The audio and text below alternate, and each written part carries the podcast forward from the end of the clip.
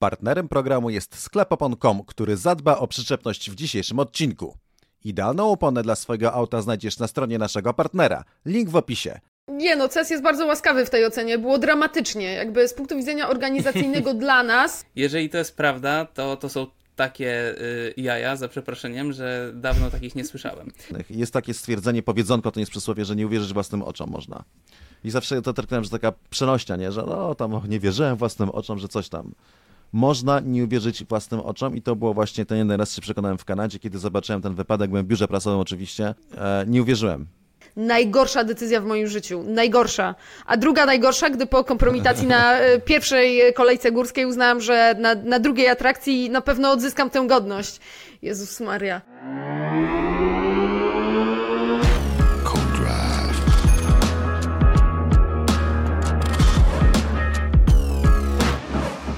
Witamy w Co-Drive 32 przed Grand Prix Kanady. Dzień dobry, Aldona Marciniak jest ze mną. Bonjour!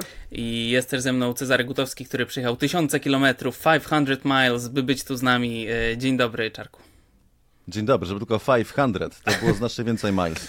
E, Dzisiaj porozmawiamy sobie o tym, czy strata Mercedesa do Red Bulla jest tak naprawdę mniejsza niż się e, wydaje. Porozmawiamy też o kryzysie Ferrari i o tym, dlaczego nie widzimy już e, światełka w tunelu dla kibiców Tifosi. Porozmawiamy o tym, jak Fred Wasser manipuluje faktami, jak pacynkami w teatrze. E, porozmawiamy o tym, dlaczego to Lewis Hamilton zniechęcił Maxa Verstappena do Formuły 1. No i na koniec Cezary opowie nam o swoich wrażeniach z jazdy bolidem Formuły 2 Renault sam oraz e, z Tymkiem Kucharczykiem, bo to też musiało być coś niesamowitego. Ale zaczniemy e, na szybko od propsów i disów za Grand Prix Hiszpanii, bo taki wyścig się odbył, a jak taki wyścig się odbył, to my wręczamy propsy i disy. Zaczynam ja. Mój props leci do Lewisa Hamiltona, który zdobył drugie miejsce, pojechał doskonały wyścig, co prawda trochę stracił do Maxa Verstappena, chociaż jak się dowiemy później, chyba nie aż tak dużo, e, jakby się mogło wydawać. E, no i co? Możliwe, że to pierwsza jaskółka Mercedesa wracającego na właściwe im miejsce. Cezary Gutowski, props za Grand Prix Hiszpanii. Proszę bardzo. Mercedes wraca na właściwe tory. Tak. Mógłbym dać samemu Mercedesowi, bo George też przyjechał super wyścig, ale muszę oddać propsa jednemu kierowcy, do którego nie byłem dotąd przekonany i nadal nie jestem co do, do końca co do niego przekonany, ale jak robi dobrą robotę, to tak jak każdemu trzeba to przyznać. Guan Yu Zhou zrobił na mnie wrażenie podczas tego weekendu. Generalnie e, był e, skuteczny w kwalifikacjach, chociaż twierdził, że mogło być lepiej i skuteczny w wyścigu. Zajął dziewiąte miejsce na mecie, zdobył punkty, podczas gdy Bottas był daleko z tyłu. Co prawda Bottas ni- niby miał jakieś tam problemy z samochodem, ale coraz częściej zdarza się tak, że w tej całej mizerii, która się dzieje w Alfie Romeo, której nie oczekiwaliśmy, że to Guan Yu Zhou wyciąga z tego ciut więcej, a nie masz takich papierów. Nawet miałem taką refleksję, bo mamy to kierowcę IFEI, który jeździł z Robertem Kubicą i Louis Deletrazem w LMS i w Le Mans w 2021 roku. Bardzo taki, bardzo konkretny człowiek, e, bardzo, bardzo szybki i co prawda w ostatnim Le Mans znaczy, z jednej strony błyszczał, a z drugiej strony rozwalił samochód po prostu, wy- wypadł z toru. E, Co się, było dużo błędów, ale jednak y, no, trochę ten jakby obraz został zamazany, to jednak odnoszę wrażenie, że z jego talentem, jego podejściem i Fei, gdyby się dostał do Formuły 1, a nie Guan Yu Zhou, to mielibyśmy lepszego Chińczyka w Formule 1. Teraz jednakowoż jeszcze raz Zhou tutaj zrobił dobrą robotę i mam lepszego kandydata, ale z obawy, że nikt nie wskaże Zhou, y, ja musiałem to zrobić. No to Aldona, props od ciebie. Gdyby Ifeje był w e, Formule 1, to też mielibyśmy problem, co jest imieniem, a co jest nazwiskiem, tak jak mamy z Guan Yu Zhou. Natomiast e, mój props idzie do George'a Russella. Mnóstwo fajnych e, pojedynków na torze. Nawet e, pamiętam tę rozmowę w pokoju e, kierowców, gdy Luis go pyta, a ty tak na torze czy, czy strategią? Strategią. On mówi, nie, na torze. No tego wyprzedziłem, tego wyprzedziłem. Tam nie do końca pamiętał ilu i kogo. Natomiast naprawdę to były fajne manewry. E, Szczególnie Sainz się nie popisał kompletnie w próbie obrony pozycji przed, przed George'em Russellem, więc podwójne podium Mercedesa nie jest to jeszcze podwójne zwycięstwo, ale i tak jest fajnie. E, Dobrze, przechodzimy do disów. Ja się zastanawiam e, nad dwoma. e, Szybko sobie zrobię losowanie w głowie. Dobra. Podziel się z nami, może będziemy dywagować A, na ten no to temat. faktycznie. E, Chciałem dać Sergio Perezowi, który wiem, że startował z odległej jak na Red Bulla pozycję, ale jednak przegrał ten pojedynek z George'em Russellem o trzecie miejsce. Chciałem też dać Lando Norrisowi, który no nie spodziewałem się, że dowiedzie to trzecie miejsce na końcu, do końca, ale jednak, y, no cóż, to on się tam nie popisał w pierwszym okrążeniu, przyłożył i potem wyścig był już e, dla niego skończony. Ale zostanę przy... To ja, To proszę, No. proszę. to ja w obronie Norrisa. Mhm. E, w sensie nie było tempa w samochodzie, żeby walczyć te punkty. E, To, co było w kwalifikacjach, to absolutnie błysnął, plus jeszcze sporo kierowców po prostu były bardzo ciężkie kwalifikacje i, zda, i dało ciała, ale tym będziemy być bliżej tego Ferrari i Sainza, bo tam Fred takie konfabulacje, konfabulacje wrzucał w ogóle, tak odwraca kotogenem, że to jest aż niesamowite, nie? Dokładnie jest taki, jak mówiliśmy, że jest, po prostu to, totalny czarodziej, ale z prawdą to ma niewiele wspólnego. E, Natomiast e, ta kolizja, jak tam pojechał w tył Louisa Hamiltona, rzadko się zdarza, żebym usprawiedliwiał kierowcę, który uderza w tył drugiego, ale to faktycznie była taka sytuacja w takim zamieszaniu, że miał prawo, nie? W sensie miał prawo nie oczekiwać, kiedy wiesz, ciśnie w pierwszym zakręcie za drugim kierowcą, że drugi kierowca spuści nogę z gazu w momencie, kiedy, mm, kiedy nie powinien.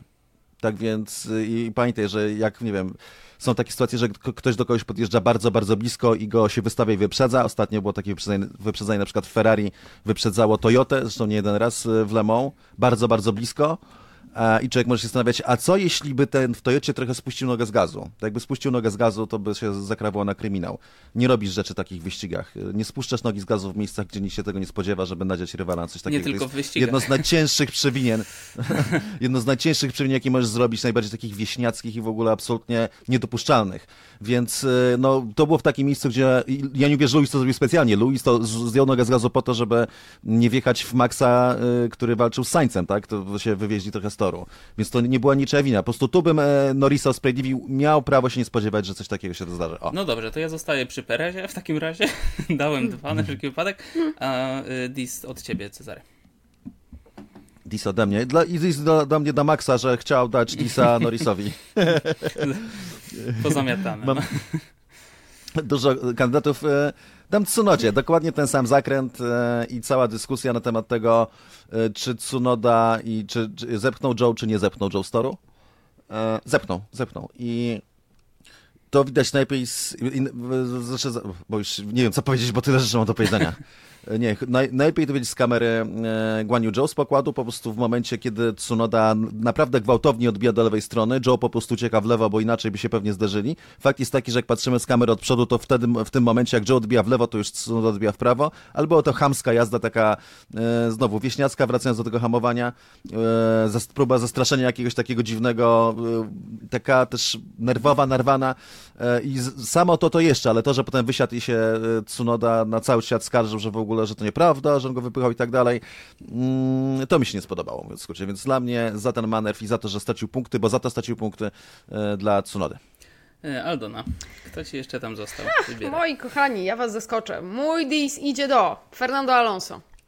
Fernando Alonso, który po znakomitym początku sezonu ostatecznie miał najgorszy weekend e, tego sezonu i problemy zaczęły się od e, jego własnego błędu w kwalifikacjach, w których w trudnych warunkach, gdzie faktycznie łatwo było o ten błąd, Cezary pewnie będzie go bronił, mówił, że takie rzeczy się zdarzają, natomiast ostatecznie Fernando Alonso ten błąd popełnił, inni nie.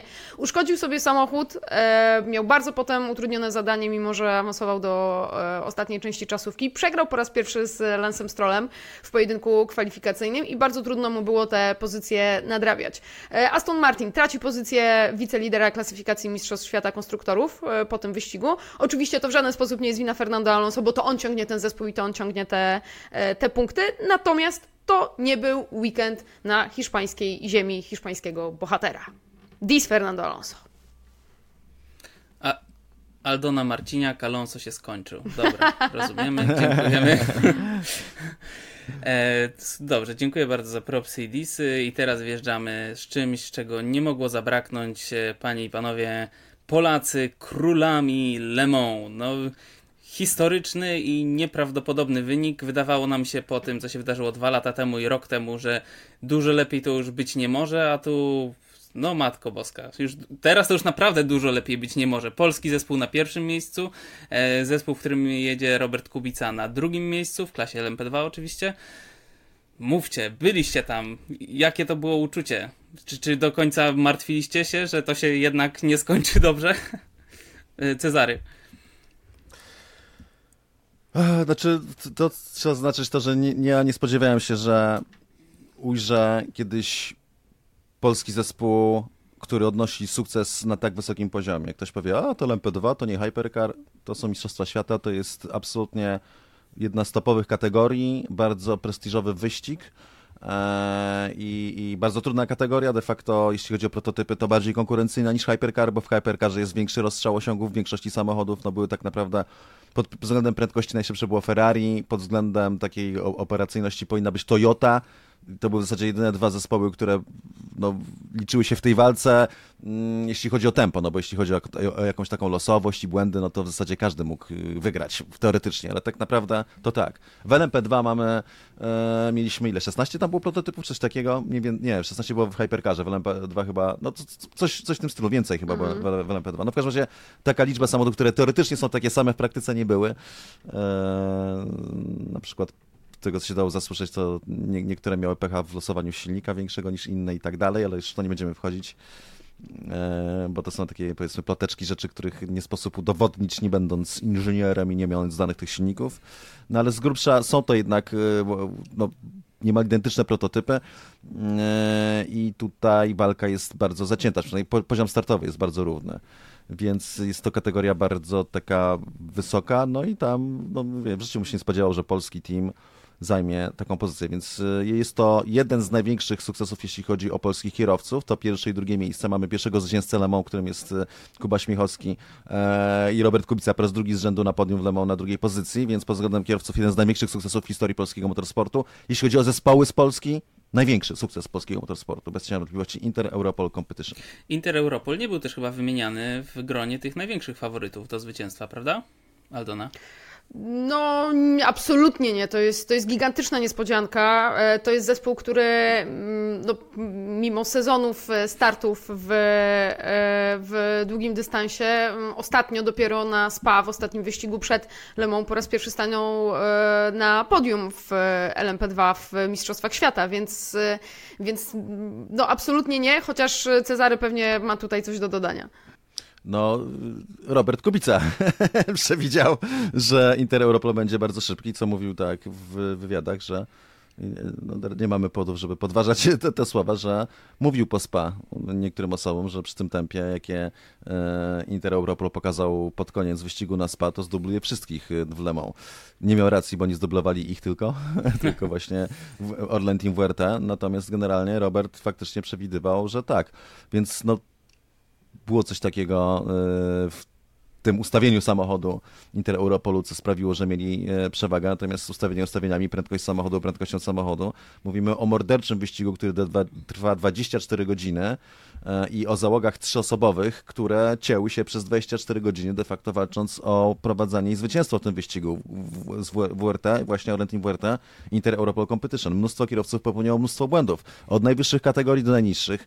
Z LMP2 najbardziej spektakularne to Kwiat, jak, jak rozwalił Premę, bo Kwiat jest taki jest takim trochę pół Carlosem Saincem. Nie powiedział co prawda otwarcie, że jest e, mistrzem świata honoris causa i że gdyby coś tam, coś tam, to mistrzem świata byłyby, ale mówił ostatnio, że o, ciekawie by było, gdybym był w Red Bullu, gdyby go Red Bull niesprawiedliwie nie, z, nie zrzucił z tej pozycji i że gdyby jeździli z Maxem Verstappenem w jednym zespole, to byłoby ciekawie. No dostałby ciekawy wpierdziel, tyle by było z ciekawości. Więc to jest taki tutaj Ajwaj Fafarafa, kierowca bardzo szybki, który będzie liderem składu, kiedy Lamborghini będzie e, startowało już w przyszłym roku w najwyższej kategorii w Le Mansach. Tymczasem był jednym z tych kierowców, którzy to auto rozwalili. Natomiast jeśli chodzi o, o skład Inter Europol Competition i o skład Orlen Team WRT, wszystkich sześciu kierowców jechało po prostu. Wiadomo, że drobne błędy się zdarzają, ale co do zasady w 24 godziny wyścigu jechali praktycznie bezbłędnie, tak więc to można sobie mówić, kto miał jakie auto, y, mocniejsze, słabsze, nie wiem, lepiej ustawione, gorzej ustawione, mniej lub bardziej awaryjne, oba były akurat bez, bezawaryjne, ale tych sześciu kierowców zrobiło mega robotę, dojeżdżając do mety praktycznie bez poważniejszych problemów. Ja- A jeszcze Scherer miał przecież rozjechaną stopę przez korwetę. To trzeba powiedzieć, no tak, tak, że tak, nie, tak. wiadomo, nie było wiadomo, czy ma złamaną stopę, czy nie.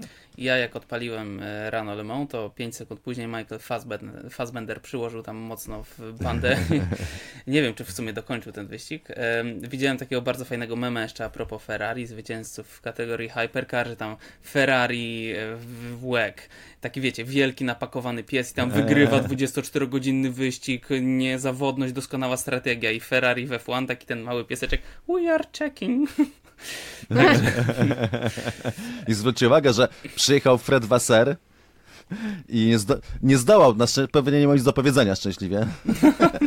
Charles Leclerc jakiegoś swojego pecha nie, nie przekazał. Ferrari pod względem prędkości było faworytem, ale ja w nich wątpiłem mocno, bo no i w zasadzie jeden z kierowców e, wylądował w żwirze, przecież ten samochód był wyciągany ze żwiru przez, e, przez dźwig. W Formule 1 by już był wypadł z wyścigu, nie, nie mógłby jechać dalej, chyba że byłby Lewisem Hamiltonem w Mercedesie. To taki przytyk do pewnego wyścigu sprzed lat, kiedy został wyciągnięty. Nie, de facto nie, był, nie mógłby jechać. Wtedy w Le McLarenie. jechać. Dwa razy nie mogli już ze stanowiska. Tak, w McLarenie dokładnie, w 2007 roku w, na Nürburgringu. To miał, był taki incydent. Jak ktoś nie oglądał, to może sobie to odwinąć.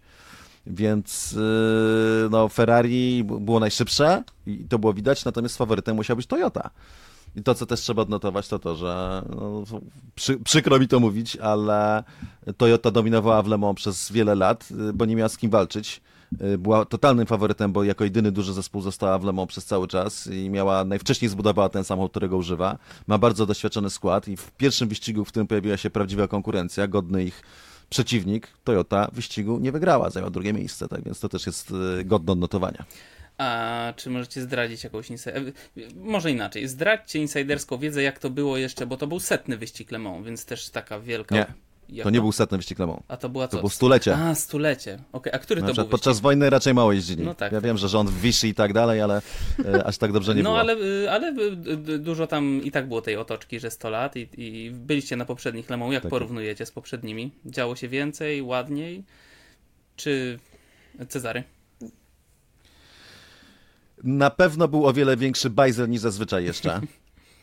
Jeszcze większy, naprawdę. To, że jak się jeździ do Francji na te wyścigi, już z punktu widzenia coś tam komuś dudni bęben jakiś. Z punktu wyjścia już wiesz, że tam no, pewne rzeczy będą zrobione po francusku, czyli ten. No, z, z uśmiechem na ustach, ale jednak y, tam z tyłu coś tam się jakby nie dopina, skrzeczy i tak dalej.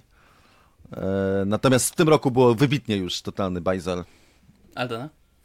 Nie no, CES jest bardzo łaskawy w tej ocenie. Było dramatycznie. Jakby z punktu widzenia organizacyjnego dla nas było dramatycznie. Ja się cieszę, że kibice, którzy pisali, mówili, że dla nich jest spoko, no bo to jest najważniejsze.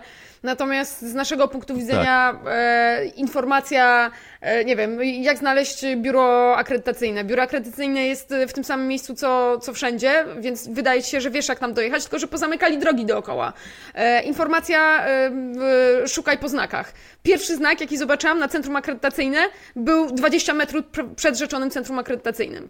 Wszcze- Wszędzie wcześniej pozamykane drogi. Nikt nie mówi po angielsku. Potem godzina, żeby się dostać z tego centrum akredytacyjnego na swój parking, ponieważ parking nazywał się West, był na niebieskiej naklejce, a na Google nazywał się Blank. Więc e, cudowna, cudowna francuska e, logika. W końcu, e, w końcu wracamy do tego biura akredytacyjnego. Weźcie nam, pokażcie po godzinie krążenia wokół toru. Wiecie, no pętla, to jest wielka pętla, 13 ponad kilometrów. Weź tam jeździć dookoła tego. To pani mówi, czy macie Waze? No jakie Waze? Bo, bo Google Maps to, to, to nie, to, to fujka, to nie potrafią obsługiwać, więc po prostu na każdym kroku e, w biurze prasowym mniej miejsc, mniej krzesełek i miejsc przy biurkach niż dziennikarze. Nie wszyscy dziennikarze mieli, mieli miejsca, my się musieliśmy dzielić. E, Na parkingu mniej wjazdówek na parking niż akredytowanych dziennikarzy, niż samochodów. No po prostu na każdym kroku ciężary. Ale tak jak mówię, najważniejsze jest to, że e, kibiców to nie dotknęło, było ich mnóstwo, byli cały czas na torze i myślę, że się świetnie bawili. E, tak, e, jeszcze dodam jedną rzecz. E, Pa, parking się nazywał Blon. Blon. Bl, tak, Blon? Blans, czy, czy powiedziałeś Powiedziała Blanc, ale, ale Blue. Blank? Blank. To chyba E, to, to. E, Pardon my French e, zatem. Pardon To my dlatego French. nie trafiłaś, no. biały. Wszystko było dobrze, Biały. a ty po prostu przeczytałeś. Ble, ble Blanc Rouge. Liberté, égalité, fraternité. Czyli wolność, e, równość, e, braterstwo. Takie hasło rewolucji francuskiej, flaga niebieska, e, także Ko- francuska. Kochany Czarku, nie wszyscy studiowali historię, Rouge. więc Ble Rouge. naprawdę E, Co do jeszcze parkingu i wjazdówek, to co było najzabawniejsze to to, że jak ja przyjechałem, to już nie było wjazdówek parkingowych. Szczęśliwie Aldona była akurat wcześniej i przyjechała z naszą e, koleżanką po, po, po fachu z Iwoną Hołot. E, I po prostu ona w, nawet gada się przez telefon i mówi, no, że udało się załatwić i czy wziąć, czy zostawić dla mnie. Ja mówię, bierz tę w ogóle wjazdówkę, póki masz ją w ręku, bo to tak funkcjonuje. E, po czym się okazało, że parking, na którym staliśmy, zresztą cały czas były miejsca, ale w dniu wyścigu e, 85% do 90% tego placu była wolna, czyli nie było wjazdówek na ten parking już, dla dziennikarzy i dla innych też na pewno, bo przecież cały by się nie przydał dla dziennikarzy, a okazało się, że no, prawie cały, cała przestrzeń, e, ten, znaczy ogólnie ca, większość parkingu była zajęta, ale były po prostu takie sektory jeszcze podzielone. To sektor, w którym staliśmy, tam by się jeszcze zmieściło spokojnie z 300 samochodów, pewnie czy coś takiego, po prostu był prawie całe puste, ale wjazdówek nie było. I to jest kolejny element francuskiej organizacji. No ale też z drugiej strony jest absolutna, no, no, fenomenalna atmosfera tego wyścigu, wyścigu wyścigów, e, czyli te wszystkie tłumy, które tam chodzą przez całą noc i, i w dzień oglądają bardziej, wieczorem imprezują normalnie, są po prostu imprezy tu i tam, ludzie śpiący na, na ziemi wręcz e, pod jakimiś ekranami, nie ekranami e, i kręcący się po tym ogromnym, przepięknym torze mnóstwo atrakcji też przygotowanych przez koncerny samochodowe, przez żandarmerię też francuską. Było stanowisko dla żandarmerii chyba. E, robili nabór, jak mi się wydaje, ale nie do Saint-Tropez niestety. I no taki wyjątkowy, jeden, jeden w swoim rodzaju wyścig, który po prostu warto zobaczyć, nawet jeżeli Francuzi mają tam swój tak zwany porządek. E, no cóż, wróćmy w takim razie do F1. Tu porządek panuje, Red Bull na przedzie, ale Toto Wolff twierdzi, e, że przewaga nad Mercedesem jest mniejsza niż to się wydawało w Barcelonie. E, Toto Wolff mówi, na koniec wyścigu Lewis mógł nadrobić te 2-3 sekundy więcej do maksa, czyli zamiast 20 sekund traciliśmy tak realnie około 15. To wciąż jednak o 15 za dużo. Hmm. Czy w Kanadzie Mercedes jest w stanie zbliżyć się jeszcze bliżej. Jak to tak naprawdę wygląda? Czy to bardziej PR i podbudowywanie obrazu tego Mercedesa? E, czy na przykład Red Bull w ogóle jechał na 100% pod koniec wyścigu w Hiszpanii? Aldona. No właśnie, to jest, to jest pierwsze pytanie. Red Bull na pewno nie jechał na 100% wyścigu w Hiszpanii, bo nie musiał. E, as simple as that. E, Mercedes jest e, bardzo do tyłu z, z, całym swoim projektem, no bo tak naprawdę oni w tym momencie zaczynają od zera. I to, co będziemy słyszeć przez najbliższy czas z Mercedesa, ale też na przykład z Ferrari, no to to jest to, że swoje poprawki musimy zrozumieć. Więc y, podczas gdy Red Bull, oni naprawdę robią fine tuning. Y, oni nie przywożą nowych części. Y, to jest tak, że my dostajemy przed każdym weekendem taki zespół musi złożyć raport odnośnie tego, co nowego przywiózł. Czy to jest zmiana podyktowana tylko, nie wiem, konfiguracją toru, na przykład na, na Monaco, specjalne skrzydła, czy nie wiem, tak będzie na Moncy, czy, czy to jest zmiana na stałe, czym to jest podyktowane. Red Bull nothing to report, nothing to report, koniec, koniec. Bo oni już po pierwsze mają tak dobrą bazę, po drugie mm, tak dobrze tę bazę znają, że no, wystarczy im e, właśnie tylko dostrajanie drobiazgów. Mercedes jest w zupełnie innej sytuacji i to to nie oznacza, że ta konstrukcja nie ma potencjału. Natomiast to absolutnie nie jest, nie jest blisko nawet tego, jak oni powinni blisko Red Bulla być, żeby mieć szansę im zagrozić. E, bo to nie chodzi o to, czy to jest 20 sekund, czy to jest 15 sekund. E, to jest cały czas o 14,5 sekundy za, za dużo. Christian Horner twierdzi, że ta różnica między nimi i Mercedesem jest wciąż mniej więcej taka sama jak w Bahrajnie. Czarku.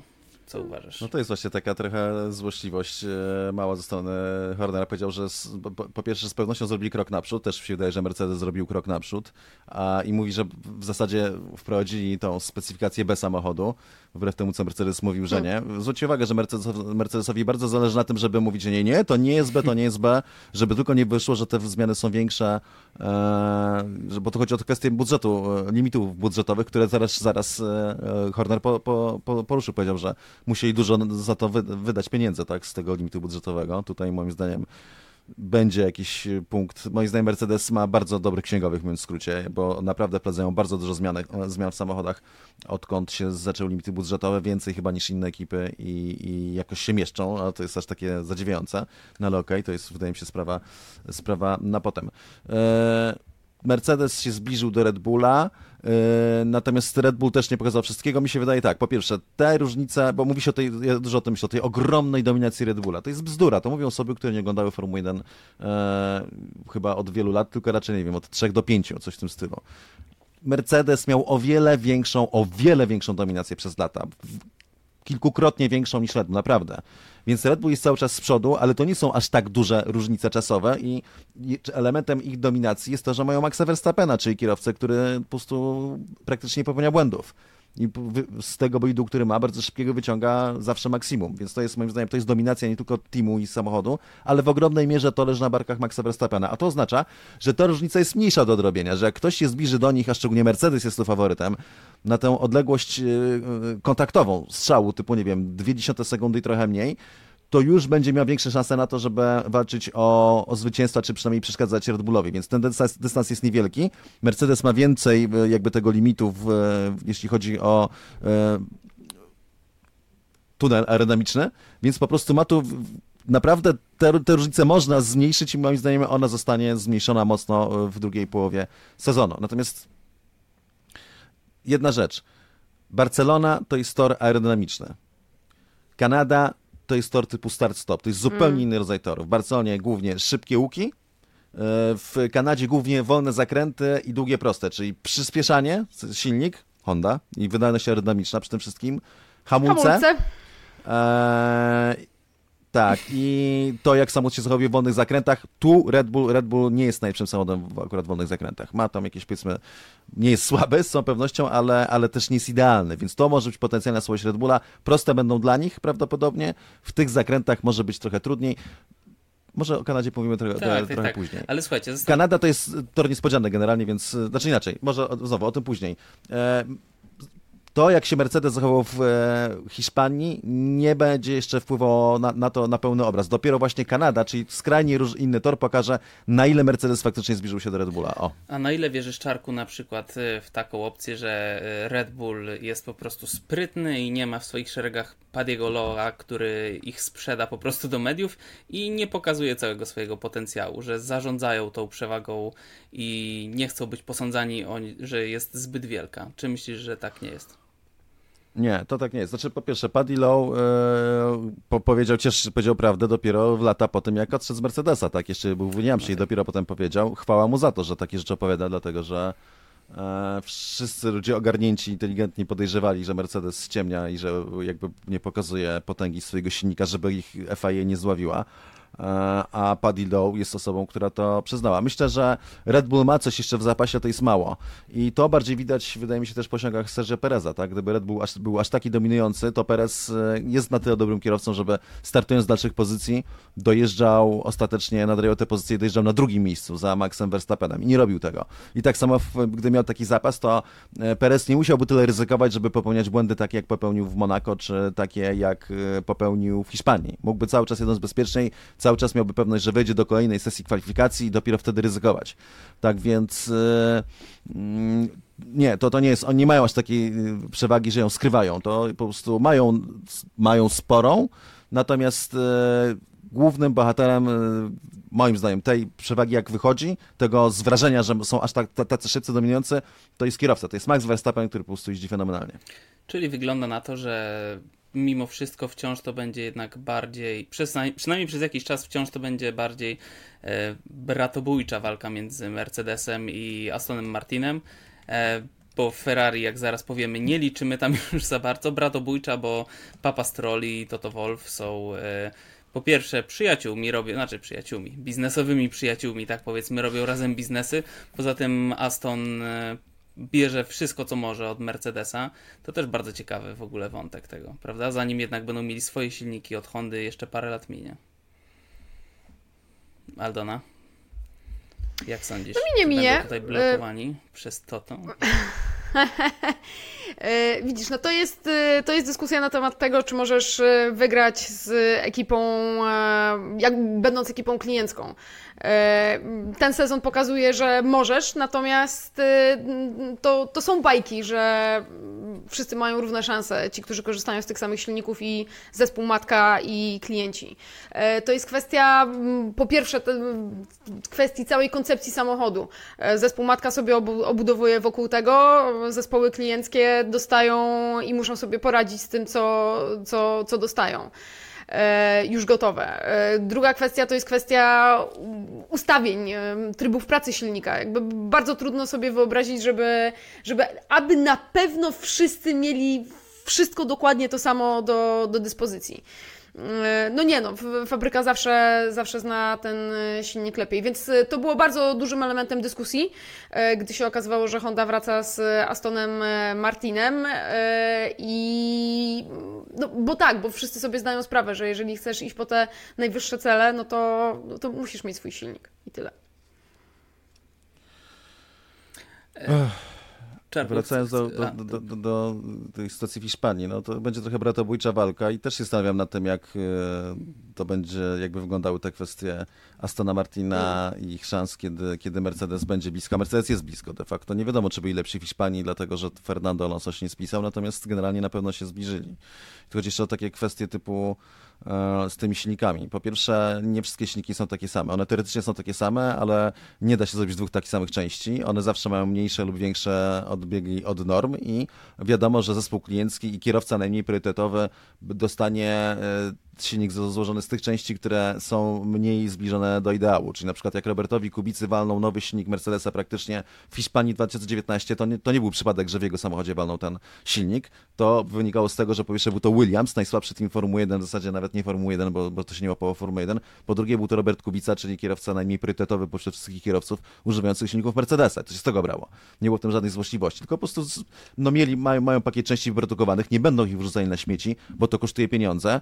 Najlepsze na, części idą do silników dla Mercedesa, najgorsze idą dla zespołu najmniej ważnego i dla kierowcy, który nas najmniej obchodzi, mówiąc w skrócie. To tylko wyłącznie tak funkcjonuje. Plus jeszcze kody źródłowe i to, co najważniejsze, zastrajanie silnika, czyli e, jeżeli Mercedes ma swoich ludzi od silników, e, którzy znają je najlepiej i wie najlepiej, ile z tych silników można wycisnąć.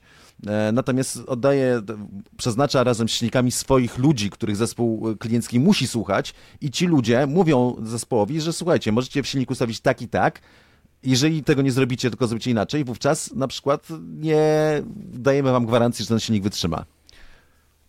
No i w tym momencie już to zupełnie inaczej funkcjonuje i, nie, i też nie, nie dają im tych samych informacji co do sterowania silnika, jakie mają ekipy fabryczne, więc to po prostu jest no, absolutnie, jest to mit, jak nie, nie, nie możesz być na równi z zespołem, e, który produkuje twój silnik, jeżeli to nie jest twój zespół. No to to jest niemożliwe, zawsze będą tam, szczególnie w motorsporcie, gdzie jest milion rzeczy, w których możesz szukać przewag, po prostu to jest niemożliwe, musisz mieć silnik na dłuższą metę e, własny, mówiąc w skrócie, albo producent twojego silnika musi być bardzo słaby, tak jak Mercedes ostatnio źle zaczął. Moim zdaniem w Kanadzie walka się rozegra właśnie, to też mówił chyba Andy Szowlin, e, czy, czy, czyli szef inżynierii wyścigowej Mercedesa, ale to ża- ża- żaden cud.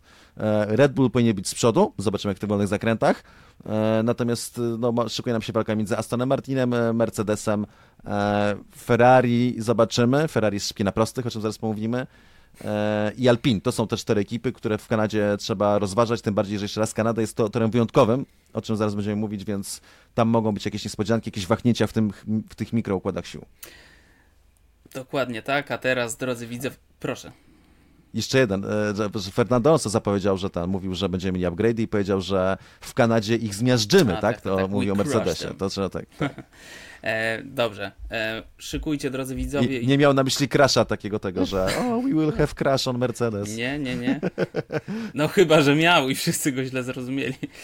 E, dobra, mówię, uwaga, mam przygotowany żart. Szykujcie klimatyzację, bo zaczynamy grillowanie. Grillujemy Ferrari, chociaż tak naprawdę, e, jak sami usłyszycie, to Ferrari grilluje samo siebie.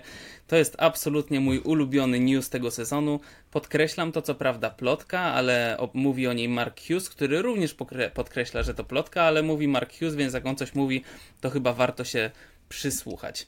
Otóż Rzekomo Benedetto Vinia, czyli CEO Ferrari, zakomunikował przed sezonem, że bolid Ferrari nie może być wolniejszy na prostych od innych, ponieważ nie pasuje to do imidżu Ferrari, do obrazu tego, jak on się pokazuje na świecie, w mediach, dla ludzi, jak postrzegają go ludzie i że należy to zmienić. I rzekomo właśnie przez to inżynierowie położyli nacisk na to, by bolid Ferrari był szybszy na prostych, nawet jeżeli poświęcili tym samym e, prędkość w wolnych zakrętach, co widzimy na przykład w tym roku. Jeżeli to jest prawda, to to są takie y, jaja, za przeproszeniem, że dawno takich nie słyszałem. E, Aldona, e, co uważasz o... Czy gdybyś była CEO Ferrari to i powiedziała, to jest wiecie, na zasadzie takiego imperatora, który mówi, ta droga ma przebiegać tędy i rysuje na mapie kreskę i teraz budujcie, biedni budowniczowie. Aldona. Ale do, do, dokładnie tak, no słuchajcie, nie, nie jest to pierwszy, pierwszy raz y, w Formule 1, kiedy mamy szefa, który ma swoje idee pewne biznesowe, wizerunkowe, natomiast y, niekoniecznie może one pasują do y, idei motorsportu. No, znamy przykład y, szefa innego zespołu w Formuły 1, który pierwsze, gdy przyszedł, znaczy koncernu, który pierwsze, gdy przyszedł, to nakazał zespołowi Formuły 1 pomalowanie bolidów we flagę jeszcze do tego zrobienie go na srebrno. No super, tylko że dodajesz tym 3 kg wagi, którą zespół ze wszystkich sił chce zbić. E, więc e, no, to są takie cudowne pomysły, które nijak nie mają się do, do tego, jak funkcjonuje zespół wyścigowy i prawdę mówiąc, e, ja w to wierzę. To znaczy, dla mnie to jest taka, taka historia, która absolutnie ma prawo się wydarzyć, mimo że mówimy o najwyższym poziomie sportu motorowego, to ja w to wierzę. Dla mnie to nie jest plotka. Wydaje mi się, że to jest w tym wszystkim najgorsze, że my w to wierzymy, że my nie, nie zakładamy, że to może nie być prawda. Czarku. No znając Formułę 1 absolutnie nie, no, wręcz przeciwnie jest to coś, czego należało się spodziewać, że mówili, mówiliśmy od jakiegoś czasu, pamiętajmy, mówimy od w zasadzie jeszcze chyba nawet końcówki zeszłego roku, że e, a może już od tego, nie pamiętam dokładnie, że będzie problem z tym winią, to jest coś, co też Hughes sygnalizował, mm. dlatego on tą ploteczkę rozsiewa, e, ale coś, co wiadomo, że największym problemem Ferrari obecnie, jeśli chodzi o taki organizacyjny, to jest problem z przywództwem tego zespołu. Znaczy, że osoby, które nie powinny się wpchać do, do działań ekipy się pchają i to jest pan Benedetto Vinia w pierwszej kolejności, ale też pan Elkan ma jakieś swoje, czyli prezydent Ferrari, ma jakieś swoje złote pomysły, to jest też takie trochę dziecko węgla moim zdaniem zagubione ponoć ten pomysł, żeby Hamiltona ściągnąć i zapłacić mu wszelkie pieniądze, to wyszedł od niego. Nie, nie, nie wiem, po co im Hamilton na tym etapie, a już tym bardziej po co Hamiltonowi Ferrari, poza pieniędzmi oczywiście, które Ferrari może zaoferować. Nie w tym tkwi problem Ferrari, że, że nie mają Hamiltona, mają kierowców naprawdę dobrych bardzo. Można dyskutować, no ale powiedzmy, no, i Leclerc, jest urta szybki, Sainz... Yy, Mógł być mistrzem świata. Jest do... Tak, oczywiście, byłby mistrzem świata, gdyby nie, nie fakt, że nie, nie był mistrzem świata, no ale też no jest kierowcą jednak cenionym i bardzo dobrym, więc e, główny problem e, Ferrari tkwi w przywództwie, czyli w takich osobach jak Benedetto, Vinia i także Fred Wasser, jak mi się wydaje, jest tutaj problemem, o czym chyba, chyba za chwilę e, pomówimy. Tak więc to dla mnie to jest absolutnie bardzo prawdopodobne, bardzo prawdopodobna plotka. E, no właśnie, Fred Wasser, czyli jak się okazuje największy manipulator w padoku, może nie tyle manipulator, co magik, bo on nagina rzeczywistość. E, Czarku, myślę, że ten temat jest trochę twoim konikiem, zaoferowałeś się, że poprowadzisz go, więc bardzo proszę. To, to są tak. wspaniałe liczby Dla, przed nami. Dlatego, że, że od początku mówiłem, jakim człowiekiem jest Fred Wasser, jeszcze jak, jak był szefem Alfa Romeo, jest po prostu taki jeszcze raz jowialny, rubaszny pan, co ho, ho, ho, tutaj tego się zaśmieje, ale, ale co innego mówi i co innego robi. To jest bardzo oczywiste, chociażby ten przykład ostatnio, jak powiedział. To jest, to jest też symptomatyczne. Warto, radzę wam, drodzy słuchacze i widzowie, zwróćcie na to uwagę, że jak Fred coś powie, że coś zrobi, i szczególnie, że jak on mówi, że on to zrobi, e, typu na przykład nie będę blokował e, Mikisa z przejściem, czy tam Mekisa z przejściem do Alfa Romeo, to blokuje. Druga potem mówi ale i, i, i Mekis nie może przejść do Alfa Romeo. On go nie będzie blokował, ale póki co stawia przeszkody. Więc to jakieś... I to jest cały fret. Natomiast z takich rzeczy, które ostatnio aż mnie uderzyły, to mówi tak. E, o Ferrari, o tym, co się dzieje. Myślę, że zrobiliśmy krok naprzód, jeśli chodzi o potencjał. Zapewne punktem odniesienia jest Miami. Miami to jest zupełnie nie tor niż Hiszpania. Fakt, że byliśmy w stanie umieścić Carlosa w pierwszym rzędzie startowym jest krokiem naprzód. Czyli on twierdzi, że fakt, że Carlos Sainz już z drugiego rzędu w Hiszpanii, w porównaniu z tym, co było w Miami, to jest krok naprzód. I to jest pierwszy... A co się działo? Co się działo? E, Carlos Sainz w Hiszpanii tracił 462 setne sekundy do Maxa Verstappena. To było prawie pół sekundy. I przed Sainzem powinien być Perez, gdyby nie dał ciała, bo po prostu jeździł w Red Bullu i Red Bull był szybszy od Ferrari. Mógłby być Leclerc, ale to powiedzmy tutaj, to jest te, też Ferrari. Hamilton powinien być przed nim, bo Mercedes był szybszy i Hamilton przyznał, że na, na ostatniej próbie zgubił 0,2 sekundy w dziesiątym zakręcie, w dziesiątym z, z, zakręcie. Nie ma powodu, żeby mu nie wierzyć, czyli byłby przed, e, byłby przed e. Ros- Russell w związku z tym też powinien być przed e, Sainzem, bo też miał, jak e, Hamilton miał szybszy bolid, teraz on miał szybszy bolid. Alonso powinien być przed Sa- Sainzem, tylko po prostu popsuł, pop, popsuł bolid na, na najszybszym kółku w Q3, więc minimum tych ci kierowcy powinni jeszcze startować przed, e, przed Sańcem. A Wasser wyciąga, że no, byliśmy na drugim miejscu, to jest postęp w porównaniu z Miami. Co więcej, w Miami Sainz e, był trzeci i tracił 506 tysięcznych sekundy. Czyli niecałe 500 gorzej pojechał niż, e, niż później w Hiszpanii. No to 500 to jest ogromna poprawa, to jest ogromna poprawa, ale więcej. W Miami Fred mówił, że mogliby walczyć o pole position, gdyby Leclerc nie wypadł z toru. Czyli de facto w Hiszpanii Ferrari nie miało żadnych szans walczyć o pole position. Było tak daleko, jak pokazał to Sainz. Nie wiem, może Leclerc byłby, byłby trochę bliżej. Natomiast według słów samego Freda Wassera, w Miami walczyliby o pole position, gdyby Leclerc nie wypadł z toru. I teraz nagle mówi, że zrobili postęp w, w porównaniu z tym, co było w Miami. Przecież to też oczywiste kłamstwo, nie jakaś totalna demagogia. Manipulacja faktami. Y, Po, po części dla fanów, y, no nie wszyscy to ogarniają, a w dużej mierze po prostu dla takich ludzi jak pan Benedetto Winnia e, i pan John Elkan, którzy to łykają, którzy się nie znają. Aldona, chciałaś coś strącić, więc poproszę. Tak, y, dwie rzeczy chciałam wtrącić. Y, Po pierwsze, mówiąc o Makisie, oczywiście się ten przejęzyczyłeś y, cwajkrotnie. Mówimy o Alfa Tauri, nie o Alfie Romeo. Natomiast. A, pardons. Y, Of course. Natomiast ja jeszcze jedną rzecz chciałam do tego dodać. Ja sobie lubię liczyć te mm, kwalifikacyjne różnice procentowo. Y, No bo wiecie, tory mają oczywiście różną długość, w związku z tym ten, ta delta czysto czasowa często bywa myląca, więc y, lubię te wyniki, które mi podają procentowo do długości, do długości okrążenia. Y, W Hiszpanii Carlos Sainz był 0,6% za czasem pole position. I to jest dokładnie mniej więcej tak jak przez cały sezon, gdzie tam było 70, 80. A wiecie, gdzie, gdzie ta delta była najmniejsza? W Bahrajnie na otwarcie sezonu, gdy to były 0,3%. Więc y, to był ten moment, kiedy Ferrari było najbliżej e, pole position. Bahrain. A nie na Boga Hiszpania, która jest dokładnie tak mniej więcej, jeżeli chodzi o tę procentową e, deltę czasu w kwalifikacjach, jak e, wszystkie poprzednie wyścigi. A idąc z kolejnymi, za kolejnymi bajkami e, Freda Wassera, to powiedział jeszcze, że można uznać, że w wyścigu zrobiliśmy krok w porównaniu z Astonem. Przecież Aston Martin we wszystkich poprzednich wyścigach poza Baku, poza Baku, prawda? Był na podium. Tylko w Barcelonie startowali ze zbyt niskich pozycji.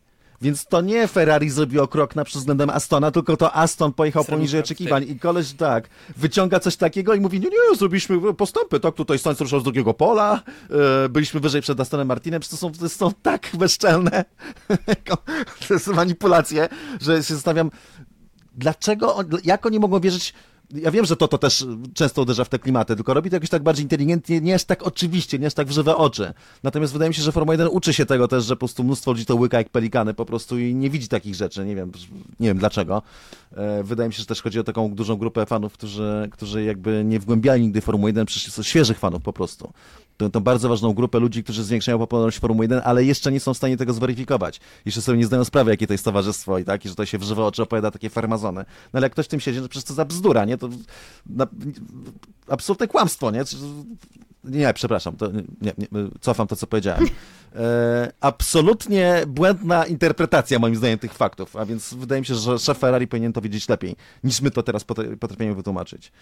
No i jeszcze mówi to, co akurat prawda, że mają różnicę osiągów, wciąż mają różnicę osiągów pomiędzy kwalifikacjami a wyścigiem w porównaniu z Mercedesem. No to, to, no, to prawda, no zgadza się akurat, e, tylko rzeczywista prawda. Właśnie w tym e, musimy się całkowicie skupić, jeśli chcemy wrócić do czołówki i mieć dobre wyniki. No shit, naprawdę? Nie. Że to, to jest oczywiste, takie... e, Nie no, to jakieś Na ten... zasadzie no pyta pytania do Verstappena. Co musisz zrobić, żeby wygrać wyścig? Dojechać jako pierwszy. No tak, tak. Natomiast to się udziela całej ekipie i Sainz tutaj- też jest takim, te jego różne wypowiedzi typu e, nie cierpię tego mówić, bo to nie wypada, ale jednak jestem zajebistym kierowcą. Nie? To w sensie to, to są to jest typu wypowiedzi Sainza albo e, byłbym mistrzem świata, gdybym miał taki samochód, co się powiedział jak w zeszłym roku. To są wypowiedzi Sainza i teraz powiedział tak, że prawdopodobnie założyli upgrade'y, które teraz założyli na najgorszym możliwym torze. W Barcelonie, na, na ulubionym torze testowym, gdzie właśnie chcą jeździć z rzeczami nowymi, szczególnie aerodynamicznymi, żeby je sprawdzić. Aldona? Tak, y, C- CS oczywiście masz rację, tylko wiesz, on pewnie też patrzył na to z tej perspektywy, że ich największym y, problemem, y, znaczy ja go broń Boże nie usprawiedliwiam, bo to tylko tak naprawdę jeszcze głębszy jest dołek, m, który on kopie. Ich największym problemem jest y, zarządzanie oponami. I on używa argumentu, że bierzemy Barcelonę, która ma taki asfalt, o takiej charakterystyce, która jest najbardziej wymagająca dla opon i że to jest najgorszy tor dla nich. No nie, no właśnie, jeżeli twoim największym problemem jest degradacja opon, wprowadzasz cały pakiet poprawek, żeby zarządzać nimi w trakcie wyścigu lepiej, to Barcelona jest najlepszym torem, żeby sprawdzić, czy ci się udało, czy nie. Tylko po prostu nie udało się i tutaj trzeba spojrzeć w lustro i ta, ta weryfikacja jest bolesna i teraz trzeba odwrócić jakoś y, kota ogonem. A tak w żywe oczy takie głupoty gadać, przecież oni mają nas za debili, no szczerze, ale to tylko to bardzo źle rokuje dla całej ekipy, bo to oznacza, że to się będzie tylko pogrążało, to prawda was wyzwoli. Yy, Plątanie się w takie kłamstwa tylko będzie pogarszało sprawę, bo nie zidentyfikujecie prawdziwej przyczyny problemów, a przyczyny są dwie. Problem najważniejszy to jest problem operacyjny, czyli zaczyna się od szefostwa, to, że taki, tacy kolesie jak Winia wpieprzają się za przeproszeniem w sprawy zespołu, a powinni być, trzymać się totalnie z daleka. I dwa, problem tego, że wywalili Binotto, nie powinni, powinni mu tylko pomóc. Wzięli Freda Wassera, który przed chwilą mówiłem, jak funkcjonuje. Przecież to nie jest tak, że on tylko wchodzi do mediów i tak robi. On tak działa w całej ekipie. Sieje dezinformacje, będzie chodził i do nich będzie czarował Elkana, który nic nie wie o Formule 1 i winie. No tak, ale tutaj zobaczcie, tu z drugiego pola ruszaliśmy, zrobiliśmy postępy.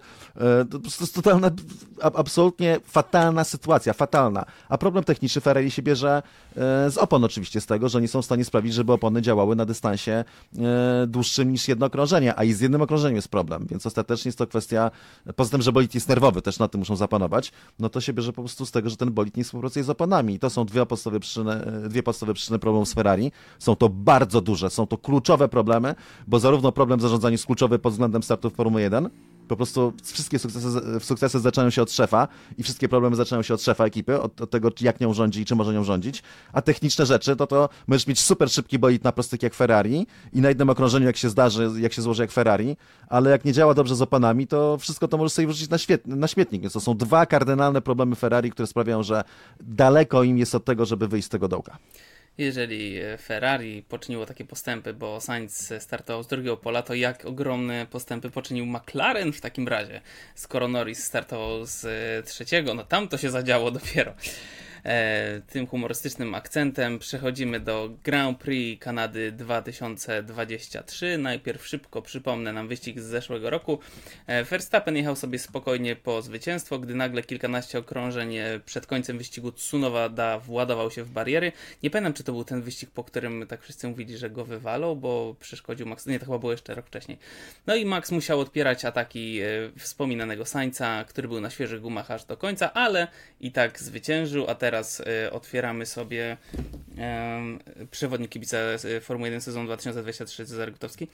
Circuit de Gilles Villeneuve. Um, pole position. Circuit. Circuit. Circuit. Circuit de Gilles Villeneuve. Gilles Villeneuve. Villeneuve. Villeneuve. Tak, Gilles Villeneuve. E, pole position miał e, rok temu również Verstappen z czasem 1.21.299, a najszybszy czas okrążenia w wyścigu to aż 1.13.078 Valtteri Bottas 2019 rok. Podium wyglądało tak: Max Verstappen, Carlos Sainz i Lewis Hamilton. I jeszcze godziny sesji w Montrealu. Piątek 16 czerwca, pierwszy trening o 19.30, drugi trening o 23.00, trzeci trening o 18.30, kwalifikacje o 22.00 i wyścig o 20.00. Tor wyjątkowy dla nas, Polaków, ponieważ to jedyny tor, na którym Polak zwyciężył i rok wcześniej również prawie się zabił, a jest wśród nas osoba, która była na obu tych wyścigach yy, na żywo. Zgadujcie o kogo chodzi. No w sumie oboje.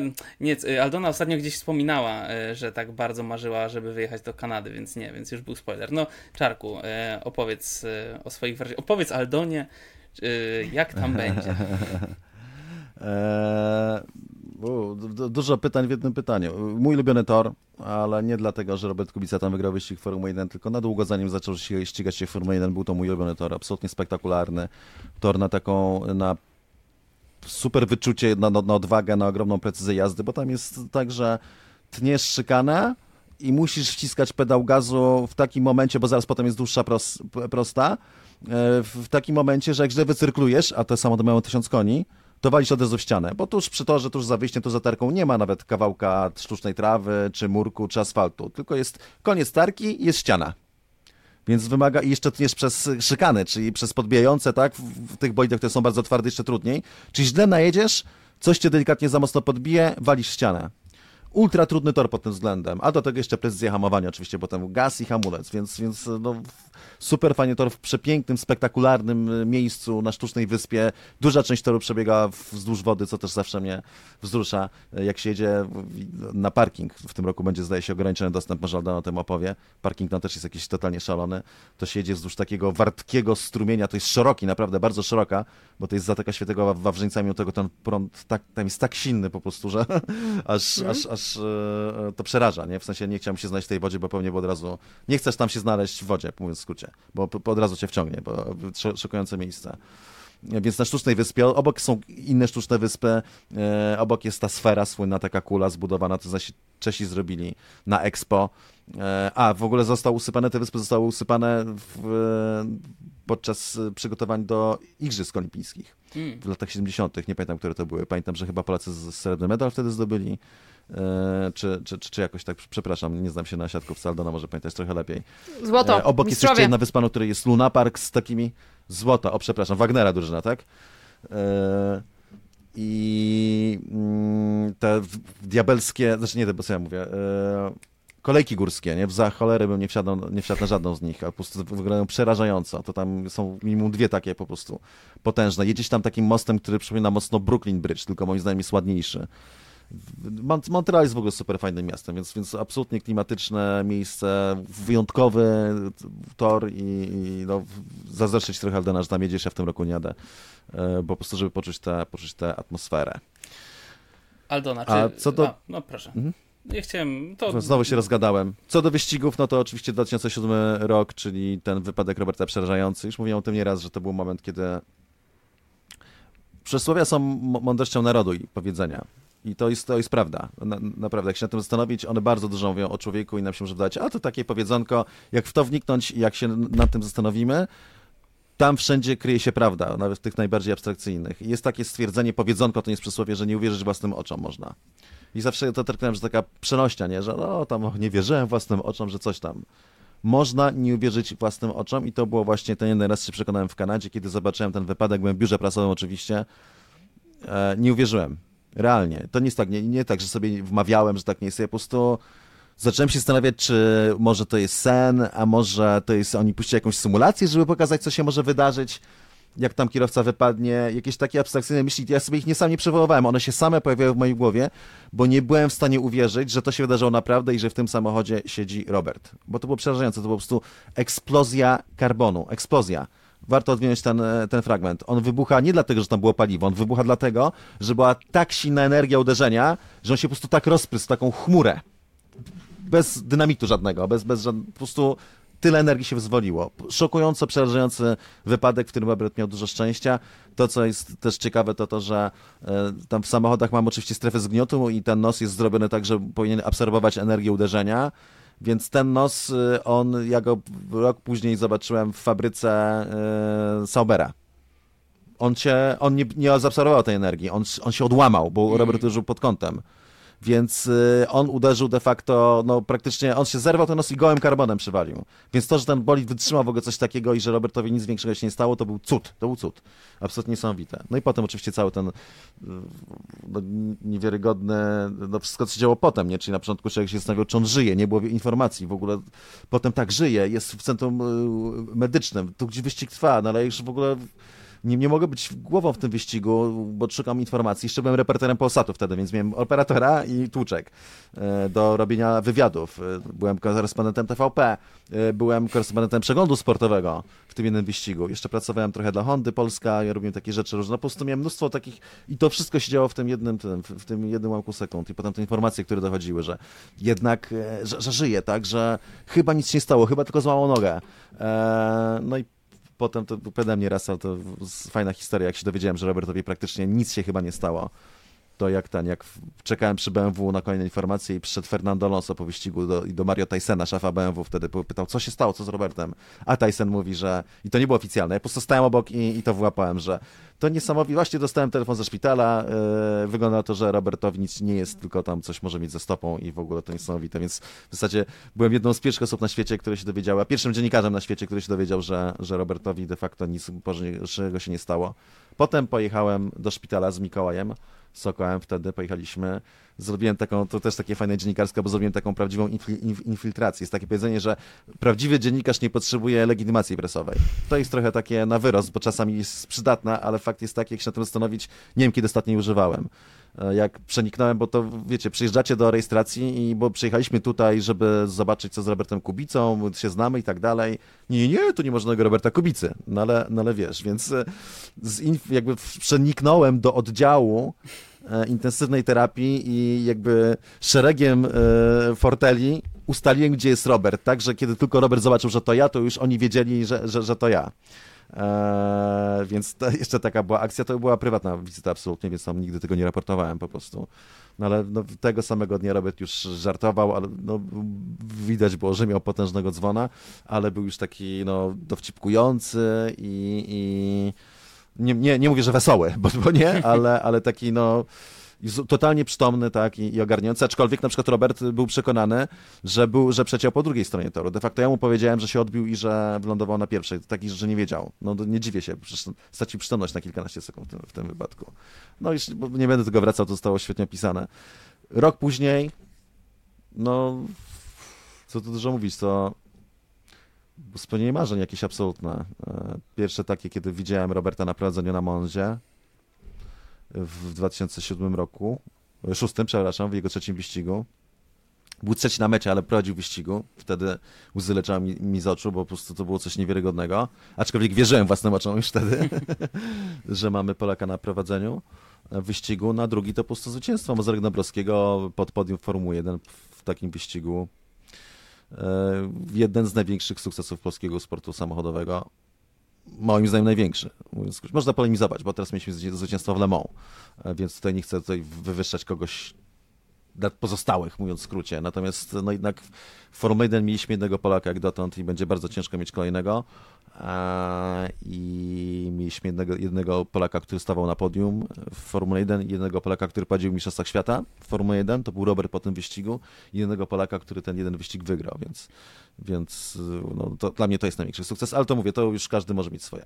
To Aldona, jeszcze zanim przejdziemy do typowania naszej pierwszej trójki, e, powiedz nam, czy jesteś w stanie obiecać przejażdżkę tymi kolejkami górskimi? To mnie interesuje. Nigdy w życiu.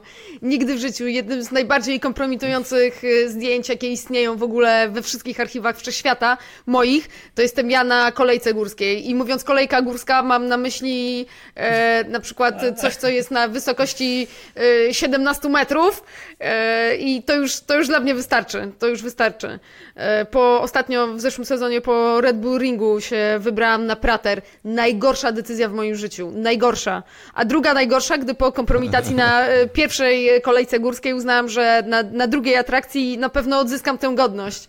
Jezus Maria, nigdy w życiu. E, Nigdy w życiu, więc e, nie, na pewno nie. Natomiast e, bardzo się cieszę, że tam e, w końcu pojadę i tak naprawdę no, pierwsze na to-do list to ściana mistrzów, e, drugie na to-do list e, ściana Roberta Mm, i taki wyścig naprawdę napakowany emocjami. Jeszcze tylko jedna rzecz.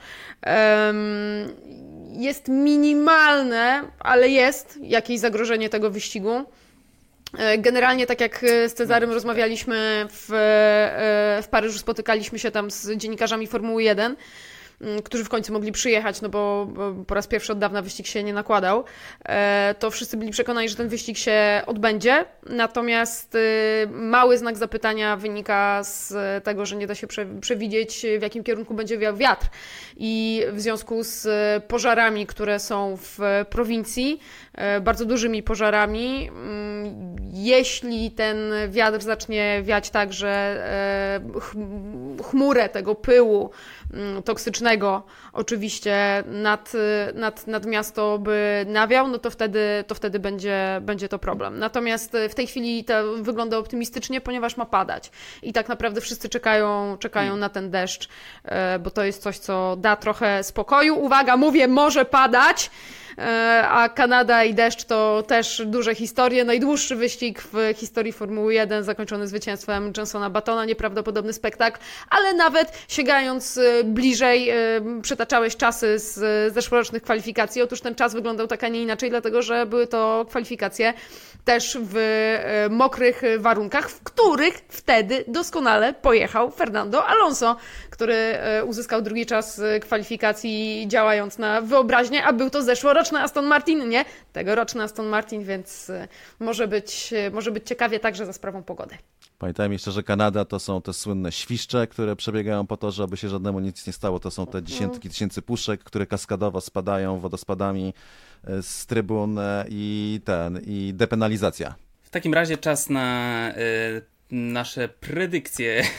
o Boże, jakie dziwne słowo, nie lubię go strasznie. Nasze predictions, o to mi chodziło. No, y, pierwszej trójki w Kanadzie y, zaczyna Aldona Marciniak. Proszę bardzo, pierwsza trójka Grand Prix Kanady 2023. A zatem top 3. E, Max Verstappen, Lewis Hamilton i Fernando Alonso. Cezar Gutowski. Fernando Alonso, e, Sergio Perez, George Russell. Max Verstappen, George Russell, Fernando Alonso. Zobaczymy. E, Nice. czy, czy porozmawiamy sobie jeszcze chwilkę o y, Nico Rosbergu i o Maxie Verstappenie? Co powiedział Nico? Bo to No. bardzo ciekawy temat. E, Nico Dobra. Rosberg stwierdził tak. Moim zdaniem w trakcie sezonu 2021, w trakcie tej intensywnej, wyniszczającej walki z Hamiltonem, Max stracił przyjemność z jazdy. Oczywiście teraz wygrywa i dominuje, ale wciąż nie odnalazł w sobie tej dawnej radości. Presja i ilość obowiązków, które ci towarzyszą, jest przytłaczająca. Czy Aldona chcesz coś powiedzieć? Czy, yy, Tak, chcę, chcę zacząć, chyba Chcesz. że jeszcze tutaj będzie jakieś pytanie, ale jeśli nie, to Nie, e, moim zdaniem proszę. Bo Nico Rosberg mówi o tym w tym kontekście, że, że to może przegonić Maxa Verstappena z e, Formuły 1. Że to jest powód, dla którego on chce odejść, ta e, wyniszczająca walka z e, Lewisem. E, Moim zdaniem Nico Rosberg mówi o sobie w tym momencie, a nie o Maxie Verstappenie. To on był tym, którego walka z Lewisem Hamiltonem absolutnie wykończyła. To on był tym, który położył wszystko na szale, wiele razy o tym e, opowiadał. Absolutnie wszystko poświęcił i to on był tym, który wiedział, że nie będzie w stanie tego powtórzyć już. E, Więcej, a na pewno nie będzie tego w stanie, nie będzie w stanie powtórzyć takiego wysiłku e, i prawdopodobnie nie będzie w stanie powtórzyć takiego, takiego rezultatu. E, Max Verstappen jest innym zawodnikiem o innych motywacjach, innej konstrukcji psychicznej i innym talencie niż Nico Rosberg. Co też wiąże się z tym, że Max Verstappen mm, na pewne rzeczy nie zwraca uwagi. On, on nie chce być e, ośmiokrotnym mistrzem świata. Jego to, jego to nie obchodzi i on, on realnie będzie w tym sporcie tak długo, jak będzie się tym cieszył, a nie po to, żeby jeszcze coś sobie mm, udowodnić, bo on sobie to udowodnił z pierwszym tytułem. E, I w tym momencie, czy on będzie miał ich trzy, czy będzie miał ich cztery, to już e, to jest, to jest inna, inna bajka. E, Innymi słowy, e, Max Verstappen nie jest człowiekiem, którego, którego wyniszczyła walka z Lewisem Hamiltonem. On sobie może odejść, bo po prostu może mieć taki kaprys, bo może mu się tak chcieć. E, A Nico Rosberg tu jakby pomylił e, zdjęcia Maxa Verstappena z, ze swoim własnym. No trzeba powiedzieć, Max to jest też fajne. Max jest może arogancki i, i się potrafi brzydko zachować, ale jednak jest też bardzo mądry wyścigowo i naprawdę rozumie o co to chodzi. Ma w sobie dużo takiej pokory i mądrości, czyli on nie mówi ja tu jestem najlepszym kierowcą w historii, jestem tutaj takim wymiataczem tego. A kto tak mówi? Nie sieje, nie sieje takie, jest taki kierowca, który taką otoczkę rozsiewa mniej lub bardziej bezpośrednio i wszyscy mu klepią, tak, jesteś najlepszy, jesteś najlepszy. Tylko mówi, że to zależy od samochodu, że miałem szczęście, że nie wiem, nie wiedziałem, czy będę miał to szczęście i może się zdarzyć, że już nie będę miał tego najszybszego samochodu, więc daj sobie sprawę, że to, co mógł osiągnąć, było mu dane, bo było mu dane mieć bolid wystarczająco szybki, żeby zdać mistrzostwo i to się może skończyć, więc po prostu to, to, o czym marzył, a nie wiedział, czy kiedykolwiek mu się uda, osiągnął, wie, jaki jest sport motorowy, wie, że to nie jest tak, że to on jest tylko takim fafarafą i co nie będzie, to on będzie wygrywał wszystkie wyścigi, bo to nieprawda i po prostu z tego to, to jest tak naprawdę jego mądrość i skromność czysta wręcz z niego wypływa w tym momencie, kiedy mówi też, że no, może się okazać, że nie będzie chciał też siedzieć w Formule 1, bo rzadko się zdarza, że masz samochód, który ci pozwala zdobyć 7 czy 8 tytułów mistrza świata. Może i dobrze, że Rosberg się już nie ściga, bo dzięki temu zyskaliśmy naprawdę bardzo fajnego youtubera. Polecam, y, ma naprawdę wiele Świetne bardzo fajnych materiały. filmików, tak. Chociaż jego operator też ostatnio jest takim elementem komediowym, zauważyłem i też jest bardzo fajny. Y, Wiem, że y, czas już nas goni, ale chciałbym, Czarku, żebyś jeszcze opowiedział o tym y, przejeździe, bo w końcu jeździłeś po torze bolidem. I to nie byle jakim bolidem, i to też nie sam. To może tak w trzy minutki byś nam opowiedział? To jest impreza Formula, Formula Drag. Tylko nie pokazuj nazywa. łokcia. E, I to przez prezent marzeń można też znaleźć, bo to jest je- jedna firma. E, więc po pierwsze doznałem e, kontuzji poważnej w wypadku. E, jeszcze mi strut mi opadł, ale tutaj był taki bardzo brązowy, o tu. A teraz jeszcze jest jakby ślad po tej ranie. To było od jazdy samochodem Formuły 1. W sensie, że s- wsadzają cię do takiego no, ciasnego kokpitu. Ja byłem no, totalnie na granicy 185 cm, ale wiem, że nogi mi się do końca nie chowały, bo uda mi się opierały w takich miejscach, że była taka bulwka jakby z boku, że po prostu wiedziałem, że jak coś się wydarzy, a może się zawsze wydarzyć, bo to nigdy nie wiadomo, to jest motorsport i w coś e, nie, nie, nie, nie mocno bokiem uderzymy, to kość udowa będzie do pożegnania. Więc e, raz, a dwa, no po prostu, mimo tego, że to jest znał grindowany bolid, to nie jest taki bolid jak no, normalny, jednomiejscowy, więc aż tak nie zasuwa, to jednak był tak szybki w zakrętach, tak dobrze hamował. Tymek Kucharczyk prowadził ten samochód, to co jest najważniejsze. E, plus przyspieszenie się, no dobrze się czuło, aczkolwiek e, to był naj, jakby najmniej element taki wow, najbardziej to hamowanie. Miałem taką kierownicę w kokpicie, żeby się jej trzymać po prostu i, i tak było przerażające. Tak sobie przytarłem łokieć w ogóle. E, trzy okrążenia, liczyłem zakręty. Liczyłem zakręty. E, nie będę mówił, czy jestem wierzący, czy nie. Powiedzmy, że różnie bywa, ale e, Wtedy byłeś. w tym momencie byłem. Byłem, bo modliłem się. Mówiłem, obiecywałem, że już będę dobry, żeby jeszcze tylko ten jeden zakręt, żebyśmy przetrwali i ten. Po prostu. I potem godzinę dochodziłem do siebie, y, głównie przeciążenia, w sensie plus, no jednak jak Temek robił szykanę, to naprawdę było to dość brutalne. A i tak z jego punktu widzenia to nie był jakiś taki, no bo on nie, nie szedł wszystkiego, przecież tak miał czeka na pokładzie, to nie był samochód, który aż tak dobrze znał. Więc to było mocne. Formuła Renault 2- 2.0 super fajne. I to wiedziałem akurat, że to będzie najfajniejsze, dlatego że no, ma tam koło 200 koni, niby że 220, przepraszam, że trochę mniej, to nieważne, ale jest to auto jednomiejscowe ze skrzydłami, siedzisz w środku, masz go głowę odsłoniętą, więc jak się rozpędzasz powyżej tej stówy, to głowa ci chodzi na wietrze, co jest zawsze super fajnym uczuciem.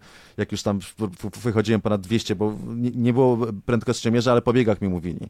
W ogóle chwalili mnie, mówili, że ten e, i się zbliżałem już do tego końcówki szóstego biegu przed hamowaniem, to on tak na, na kierownicy niepewnie chodził, że, że tak, no ale jechałem, je, jechałem dzielnie, hamowałem dość wcześnie, natomiast to jak skręcał, w sensie, że bardzo tak reagował, e, siedzi blisko osi skrętnej też, co jest też, trzeba się przyzwyczaić po prostu lekki ruch kierownicą i już, już skręcał. Raz się obróciłem na wyjściu z zakrętu, bo też hamul, e, gaz łapał tak bardzo, że, że wystarczyło lekko ruszyć z dołu i on już dodawał, więc tam raz się obróciłem, ale też po profesorsku, bo od razu ten kierownicę w prawo, żeby się wytoczyć z toru, tutaj nie hamować od razu, tylko właśnie się wytoczyć.